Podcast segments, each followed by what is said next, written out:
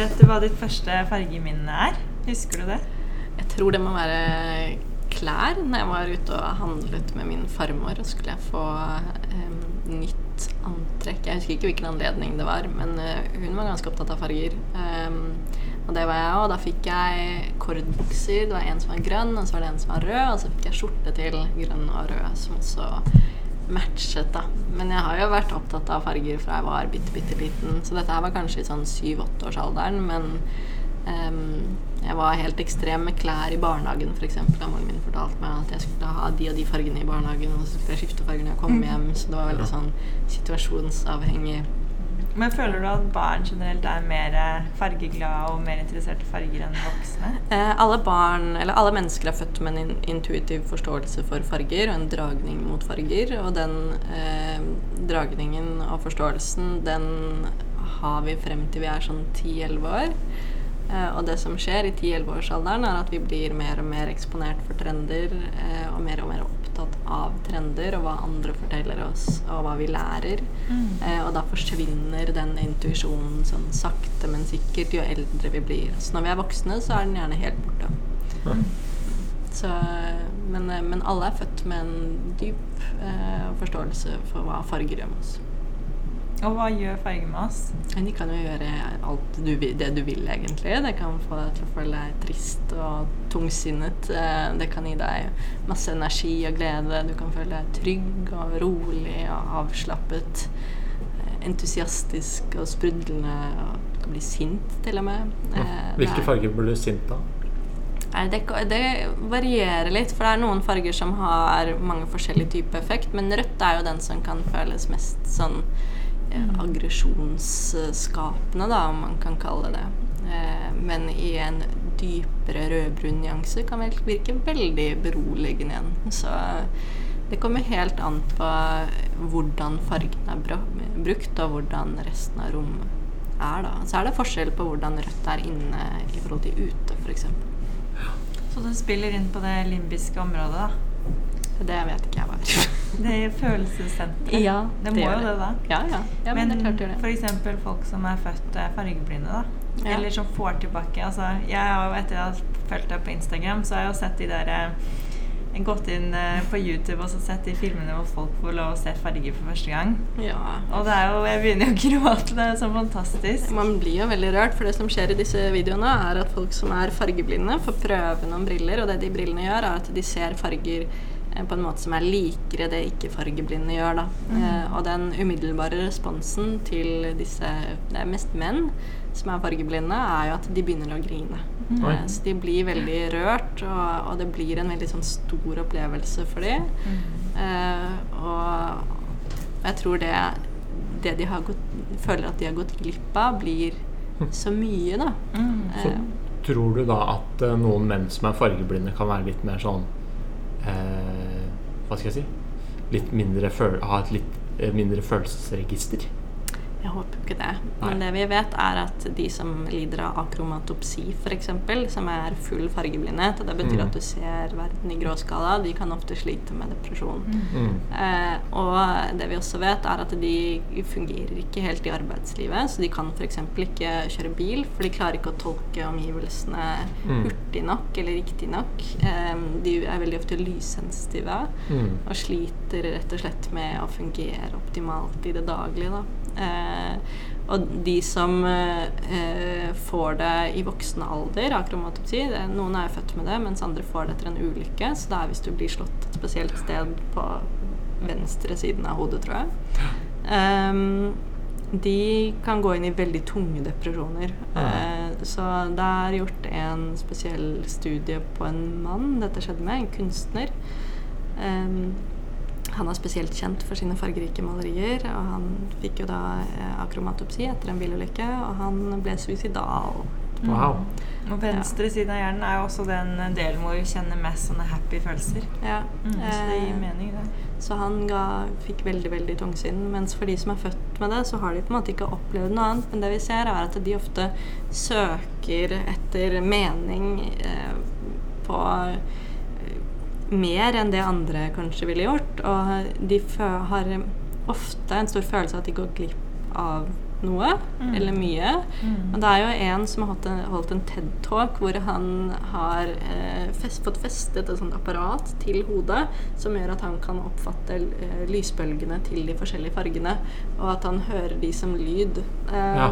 Å ja. Og da er han veldig opptatt av hvilken uh, lysbølge han vil ha på seg, så han klarer å velge klær og farger og sånne ting, men han på en måte dømmer de um, uten å faktisk ha sett de, da. Ja, ja. Men det som er interessant, er at de som er fargeblinde, ofte blir påvirket av rom på samme Ja, måte ja. som ikke-fargeblinde. Så det er tydeligvis at kroppen Mm. tar opp signalene. Fordi farger, ja, for farger er lysbølger. Mm. Eh, så selv om man på en måte ikke klarer å se de, så blir man påvirket av de allikevel. da. Ja. Det syns jeg er utrolig interessant. Ja, det er det. Spennende. Så du ville anbefalt de også å ha fargerike vegger og omgivelser? Ja, på samme måte som alle andre. på en måte. Vi er jo pattedyr og hører hjemme i naturen.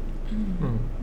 Det er jo noen som til og med har begynt å kunne Altså plukke opp eh, syn med tunga. Oi! Ja, det er sånn plastiske forandringer som, eh, som eh, det er noe Ja, det er lenge siden, egentlig. Mm, det var en sånn En eh, Bach Y. Rita, tror jeg. En, ja, en sånn nevroforsker. Men de setter vel på noen prover på Ja. tunga da, Ja. sånn at du også får opp de vibrasjonene som gjør at det blir omtolka til eh, aksjonspotensialet for nervesystemet. Sånn at de klarer å se med tunga, da. Herregud. Mm. Og det er jo litt uh, interessant å se hvordan vi kan utvikle liksom, Hvis noen blir født uten deler av hjernen eller ikke har fått den stimuleringen, hvordan vi kan bruke andre deler av hjernen til å gjenskape de samme sansene. da. Ja, det er utrolig interessant. Og tror du Ja, så- sorry. Det kommer til å skje masse der, tror jeg. i Fremtiden. Det er spennende altså, hvor langt og hvor raffinert det der blir. Det er litt sånn spennende i forhold til dyr òg, da. Så de vel De oppfører seg kanskje annerledes i fargede rom enn det vi gjør, eller sånn. Jeg vet ikke Ja, om du altså, det er jo ingen som ville puttet en elg inn i et hvitt rom og tenkt at eh, dette kommer elgen til å synes Ja. er koselig. Ja. Så vi, men hvitt er ikke noe særlig kult for oss heller, egentlig? Nei. Nei. Det er jo en farge som det er veldig lite av ute i naturen. Og det er få deler av verden totalt sett som har mye snø. Mm. Eh, og de lysforholdene snø er under. Og du vet jo eh, hvor anstrengende det er for øynene å se på snø. Eh, og være i hvitt. Mm. Og problemet med det hvite, som er en veldig vanlig innredningsfarge i dag, er jo at det er for lyst for øynene våre. Eh, så øynene våre er jo fintunet og skapt for å være ute i naturen, og der er jo nyansespekteret og fargespekteret helt enormt. Mm. Det er jo millioner av forskjellige nyanser vi er omgitt av hele tiden, og så kommer vi inn i et nyansefattig rom hvor det kanskje er én eller to eh, farger i én eller to nyanser. Um, og når det er for lyst, så begynner eh, øynene dine å sende stressignaler til hjernen. Mm. Eh, så det er fordi det tar inn for mye lys, og hvis du sitter da i dette hvite rommet over lengre tid, så blir man sliten i hodet. Mm. Fordi øynene dine driver og sender stressignaler til hjernen hele tiden. Kunne du fiksa sånne farger som bare forandret seg med sola? Eller sånn at du bare Det var liksom hvitt om morgenen, og så bare roa det seg ned utover dagen? da Det var tingen også. trenger egentlig aldri hvite rom, men, Ja. eh, men eh, det som vi ser kommer mer og mer, særlig på skoler og sånn, er jo belysning som forandrer seg gjennom Mm. dagen, og som Mm. følger lyset utendørs. Da, for det ser man at da fungerer man mye bedre enn når lyset er konstant. mm. Eh, For i mange moderne kontormiljøer og skoler og sånne ting, så er det jo for mye lys og for hardt lys. Som igjen eh, reflekteres i de hvite veggene, som reflekterer da opptil 96 av alt lys. Eh, som gjør at man ikke jobber spesielt bra i disse miljøene over tid. Da. Så i tillegg til at du blir sliten i hodet, så kan du få hodepine og migreneanfall Mm. og sånne ting. Så. Blir de helt hysteriske, disse Frogner-fruene som sitter i det lyse med krystall... eh, Eh, De holder jo på med, de holder på med grått nå, vet du. Okay. så eh, hvitt er jo en fallende trend. Eh, så eh, grått har på en måte tatt over for det. Ja. Eh, og det er også fallende nå, men det er veldig veldig stort. Så det er jo den vanligste fargen på vegger i dag. Ja. Men det vi vet om grått, er jo at eh, en deprimert person ser omgivelsene sine som gråere enn andre. Og det er ikke bare en sånn mental greie, eh, men det forskning har vist nå, er at øynene faktisk ikke klarer å se farge på samme måte som en ikke-deprimert. Så alle farger får et grått slør over seg. De blir mer dempet. Så hvis de ser en bukett med gule blomster f.eks., så ser de grågule ut i stedet vanlig gule. Og det samme gjelder alle andre farger. Himmelen er ikke så blå som vanlig. Omgivelsene er mindre fargerike. Mm. Eh, og det er da øyet som ikke klarer å tolke farger på vanlig måte. Da. Så det skjer noe fysisk med hvordan øynene fungerer. Det er utrolig spennende, syns jeg. Eller jeg tenker at det er ikke noe feil nødvendigvis med reseptoren i øyet, men det er mer den tolkningen i hjernen da, som ikke har det så bra. men det er noe fysisk som endrer seg. Jeg kan eh, vise deg den studien okay. senere, men det er i hvert fall en fysisk endring i hvordan selve øyeeplet fungerer. Da. Så det er Ja, det vil jeg gjerne se. Det jeg har sett, er en sånn studie på, med feeden på Instagram til mennesker som er deprimerte. Ja, er også også mer grålige bilder, da. Ja. Jeg syns det er utrolig interessant. Mm, de legger ut mer sånn grå bilder. Ja. Men det vi ser er jo at de som maler det grått hjemme, de maler om igjen etter 3-5 år, mens gjennomsnittspersonen maler om etter 18. Eh, og det sier jo noe om hva som skjer når man er i disse grå rommene over lengre tid. Eh, og det de sier når de kommer til fargehandelen eller butikken, er at de orker ikke mer. De klarer ikke å ha, det, ha den fargen inni huset sitt lenger, da. Eh, så det har jo um, vil jeg tro noe med dette av hva hjernen assosierer da med det gråaktige og gråskalaen. Mm. Du blir jo deprimert når det er grått eh, vær ute. Eller du, altså jeg blir skikkelig sånn der. Bare ser helt ordentlig negativt på livet. da Hvis det er Ja, man- regn og man får jo tungsinn. da bare alt er dritt. Ja, det er grusomt. Og hvis vi som mennesker eh, for si 20 000 år siden hadde kommet til et miljø hvor alt var grått, hva hadde vi på en måte følt av? Mm. Da hadde vi jo ikke villet være Det er jo en død verden, Ja. som du skriver i boka di. Ja, Mm. det er helt sant. Farger til folket. Ja, takk. Jeg har lest masse av den. Og der òg kommer du jo inn på det der med farger i rom og i terapi. da. Første gang jeg ble eksponert for den tanken, var kanskje for syv-åtte år siden. Når jeg jobbet i en eh, nevroklinikk i USA. Da, da malte han alle rommene blå. Og det var for at eh, da kom det inn masse pasienter som hadde hatt hjernerystelser og diverse skader, og for at de skulle tåle terapien bedre, da, så, så malte han de blå. Men det husker det var en sånn Jeg husker at jeg syntes det var en veldig sånn grell blåfarge. Det var sånn Ja. gråblå, sånn blanding av babyblå og gråblå. Og så var det jo ikke noe annet. Det var jo bare sånn maskiner og terapigreier. Det var jo ikke noe Mm. dybder i det. Så det ble jo veldig flatt, da. Ja, og det er litt av utfordringen når man på en måte har funnet en farge som kan fungere bra i type institusjon, type psykiatrisk institusjon eller sykehus, palliativ avdeling, eh, barnesykehus osv. Så, videre, så var det jo på 50-tallet hvor man fant en sånn blågrønn nyanse som var optimal for, eh, for pasienter på sykehus. Um, og det blir, er jo kjent som Hospital Green i dag, eh, og har en litt sånn vond bismak. Og det er nettopp fordi man har valgt bare den fargen og malt den Mm. på alt. Um, og, og det som er viktig igjen å huske på, er jo dette med nyansespill og dybden, som du nevnte. At vi, vi kommer jo fra naturen, og det er mye mer naturlig for oss at det er forskjellige nyanser og forskjellige farger. At det er ja, denne dybden i rommet. Og så kommer jo planter inn, som vi også har veldig interessant forskning rundt. At det har Mm. positiv effekt på rekonvalesens og sånne ting. Um, og treverk Mm. er jo også viktig å få inn. ikke sant? Så du kan Mm. ikke ha de grå linoleumsgulvene. Det er, det er mange faktorer som er Ja. viktige, da. Ehm, og hvis du maler liksom litt grønt her eller litt blått der, så vil ikke det si at du da har du laget en god institusjon. Nei. Jeg tenker det må jo være individualisert, da. Eller, eller det er jo det beste, det er vanskelig å få til.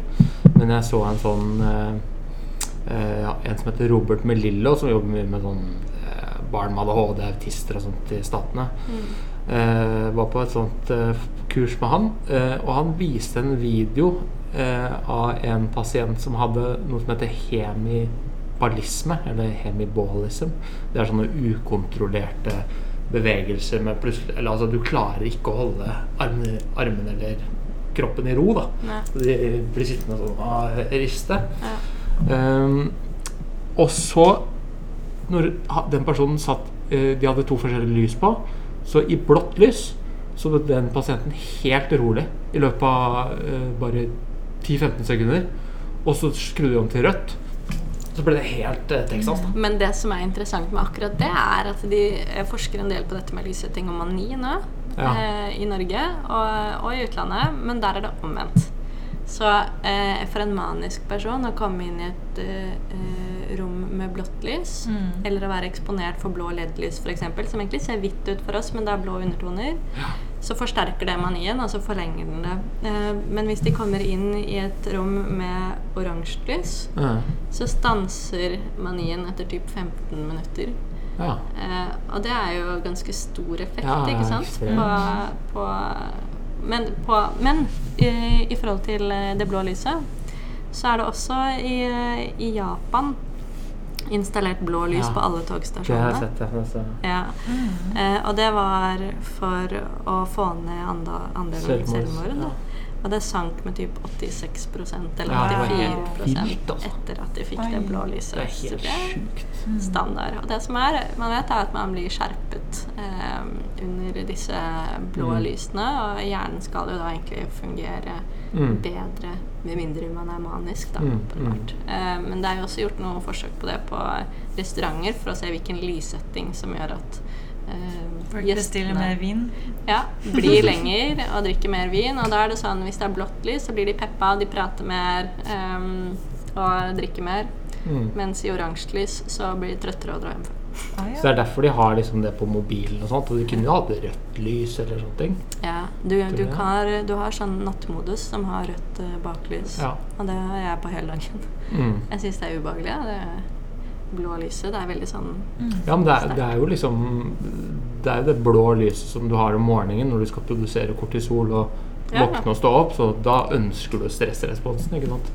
Mens etter hvert som kvelden kommer og du skal kicke inn dette eh, Ja, ikke sant, og, og restitusjonssystemet, så vil du jo dempe de andre tingene, da. Men det bruker jeg faktisk i vinterhalvåret. Da har jeg ikke elektrisk lys på hjemme eh, på kvelden. Bare stearin Helt konge, vet du. og lampeolje. ja. Mm. Vi må Det tilbake til sånn huleboerstil, altså. Med, Ja, jeg, jeg tror vi må mer tilbake til at vi er pattedyr, da. Ja. Og at det er visse ting som har større effekt på oss enn det vi kanskje liker å tro. da. Mm. Og der er jo det å skape mer naturlige omgivelser en viktig del av det. Både utvendig og innvendig. Mm. Det er dette med nyanserikdom som kommer inn, og grønne planter, naturmaterialer osv. Vi er jo Men er det noe forskjell på det å være i Si at du har mye grønne nyanser, men det er ting i rommet, versus det å være ute i naturen. Ja, altså et, et rom som er eh, menneskeskapt, det vil jo ikke kunne Det er jo ikke like bra som naturen. Eh, men det kan bli mye bedre enn hva det er hvis det er en hvit eller grå boks. Da, for det er på en måte de fargene som vi vet vi fungerer dårligst i, og det er de det kan finnes mest forskning på også, eh, som, som viser at de er negative for oss. da. Det er lite forskning som sier at i et blått rom skjer det, i et rødt rom skjer det, i et grønt rom skjer det. Eh, men, men det alle er enige om, er jo at i gråskalaen så, så forsinkes rekonvalesens f.eks. på sykehus. Vi vet at konsentrasjonen dropper dramatisk i kontorlandskap.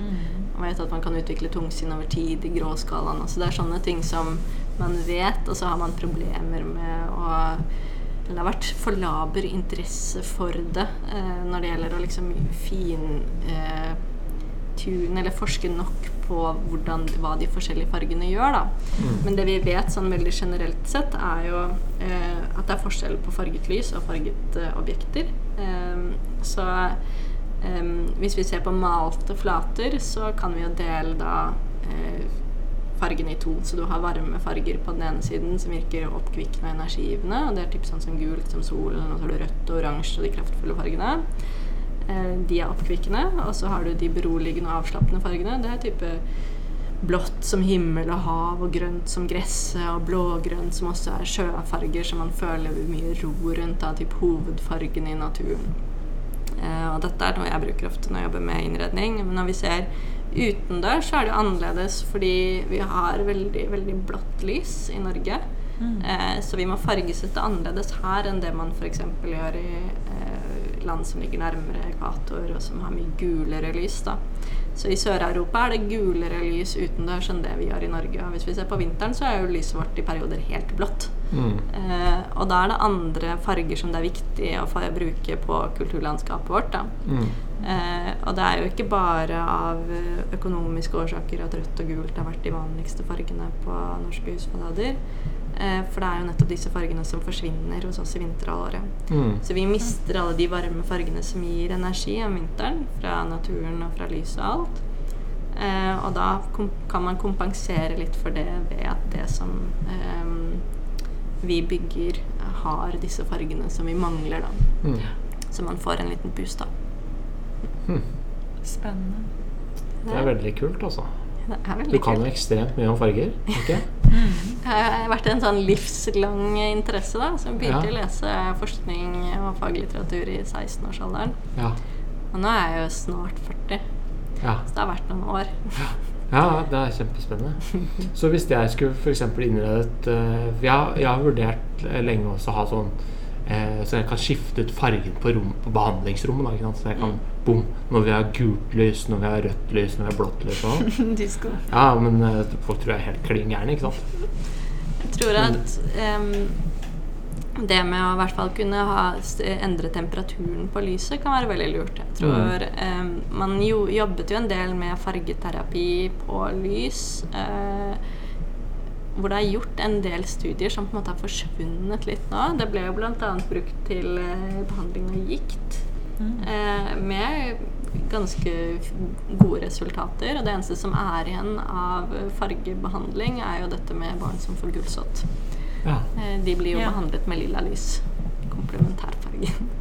Så det er Det ligger jo veldig mye potensial i mer eh, bruk av farget lys og mer effektiv eller behandling med farget lys. Jeg har en bok som heter 'Living Light', som oppsummerer mye av den forskningen som er gjort på lys og farge fra typ 1700-tallet og frem til i dag.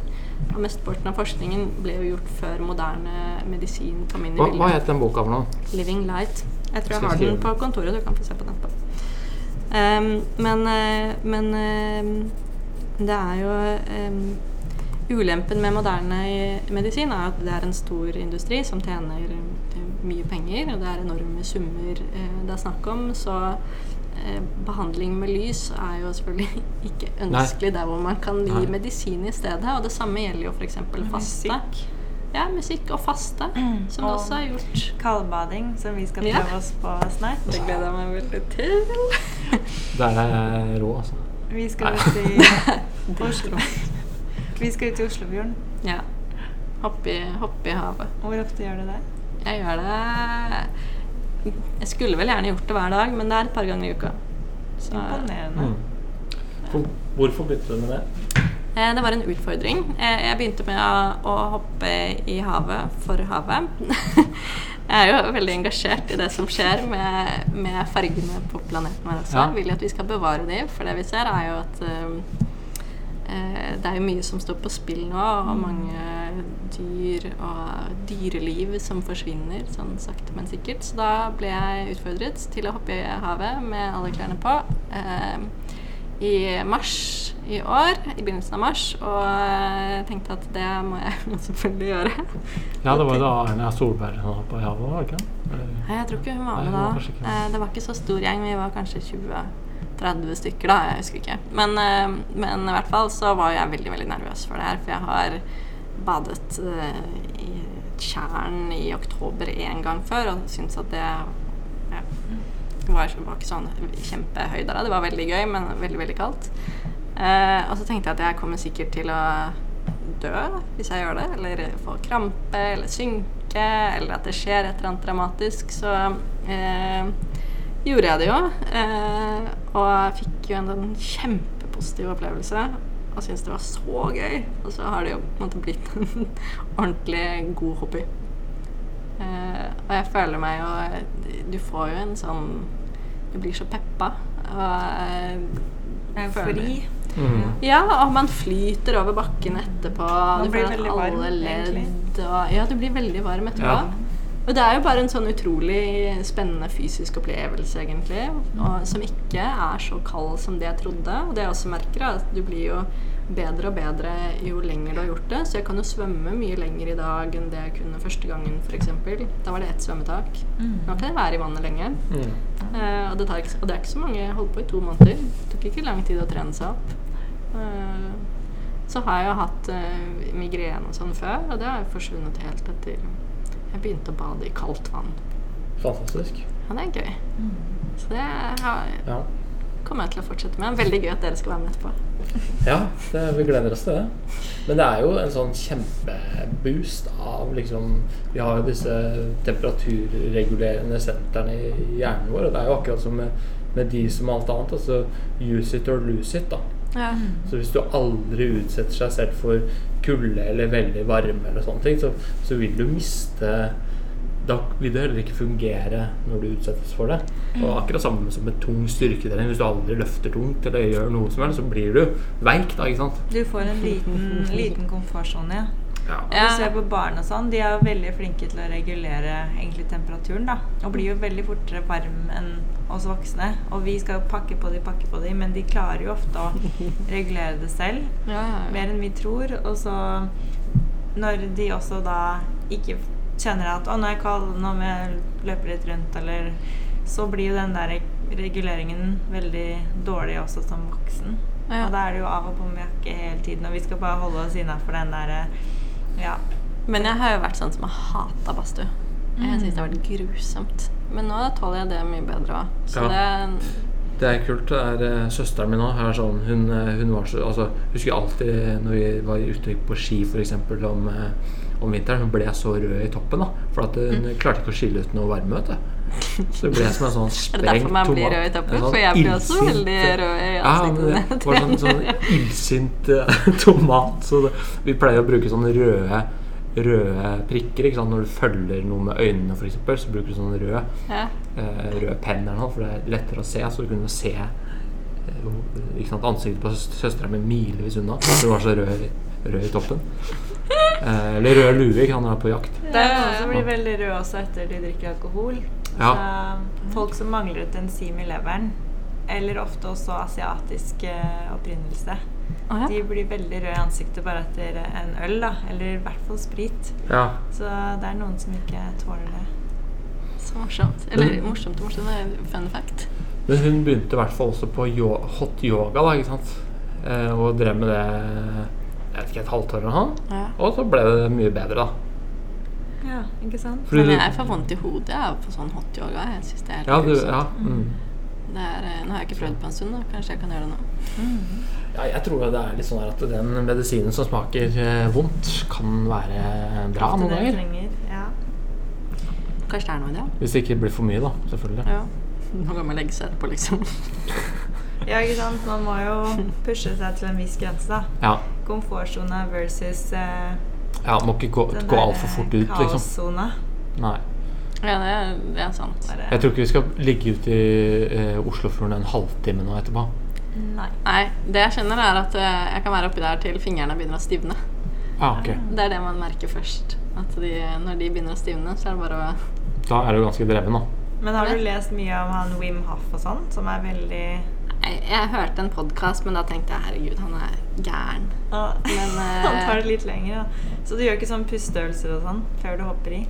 Nei, men det kan man jo. Man Kanskje kan jo prøve det. Kan prøve det. Mm. Jeg tenker Vi kan prøve det etterpå.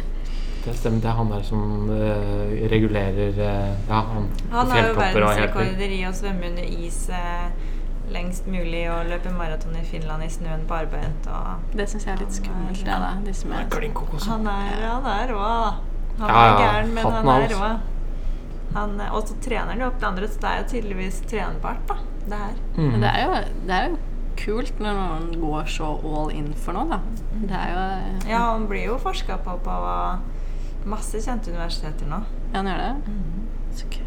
Hvordan han klarer å regulere temperaturen sin da, gjennom egentlig pusteteknikk og mentalteknikk. Ja, for han kan være i vannet mye lenger enn, da, Enn de fleste, ja. For de Ja. fleste ville fått på en måte frostbitt og frostskader. Men han, eh, han, han og de som er trent under han, de får ikke det. Altså Han kan sitte i isbad i Jeg Jeg skal ikke si noe her nå, men sånn han kan sitte overdrevent lenge. Ja. Så rart. Han er sånn mutant, kanskje? En mutant, ja. Nei, men ok, skal vi hoppe i det, da? Halvt vi- menneske, halvt sel. Ja. Skal vi hoppe i vannet? Ja, det skal vi. Tusen takk for at du ville stille opp på Det var podkasten. hyggelig. Og hvor finner vi informasjon om deg, Dagny? Jeg har eh, et fargestudio, et Koi fargestudio. Eh, og så er jeg på Instagram under Fargedagny. Hvorfor heter det koi? Det er en en lang historie, egentlig. Men eh, koi er jo en gullfisk med mange fine farger. Eh, og det som eh, vi liker veldig godt med gullfisken, er at den svømmer motstrøms. Yes. Eh, og den svømmer opp fossefall. Eh, og ifølge en gammel kinesisk legende så blir den til en drage når den kommer til toppen. Wow. Wow. Og hvis den ikke kommer til toppen, så blir den, eh, blir den eh, eh, tatt av en samurai og spist som sushi. Men vi må satse på dragen. Ja, du er i hvert fall en drage når det kommer til farger. Ja, takk for det. Kjempeimponert over det du får til. takk. Takk for meg. Takk for nå.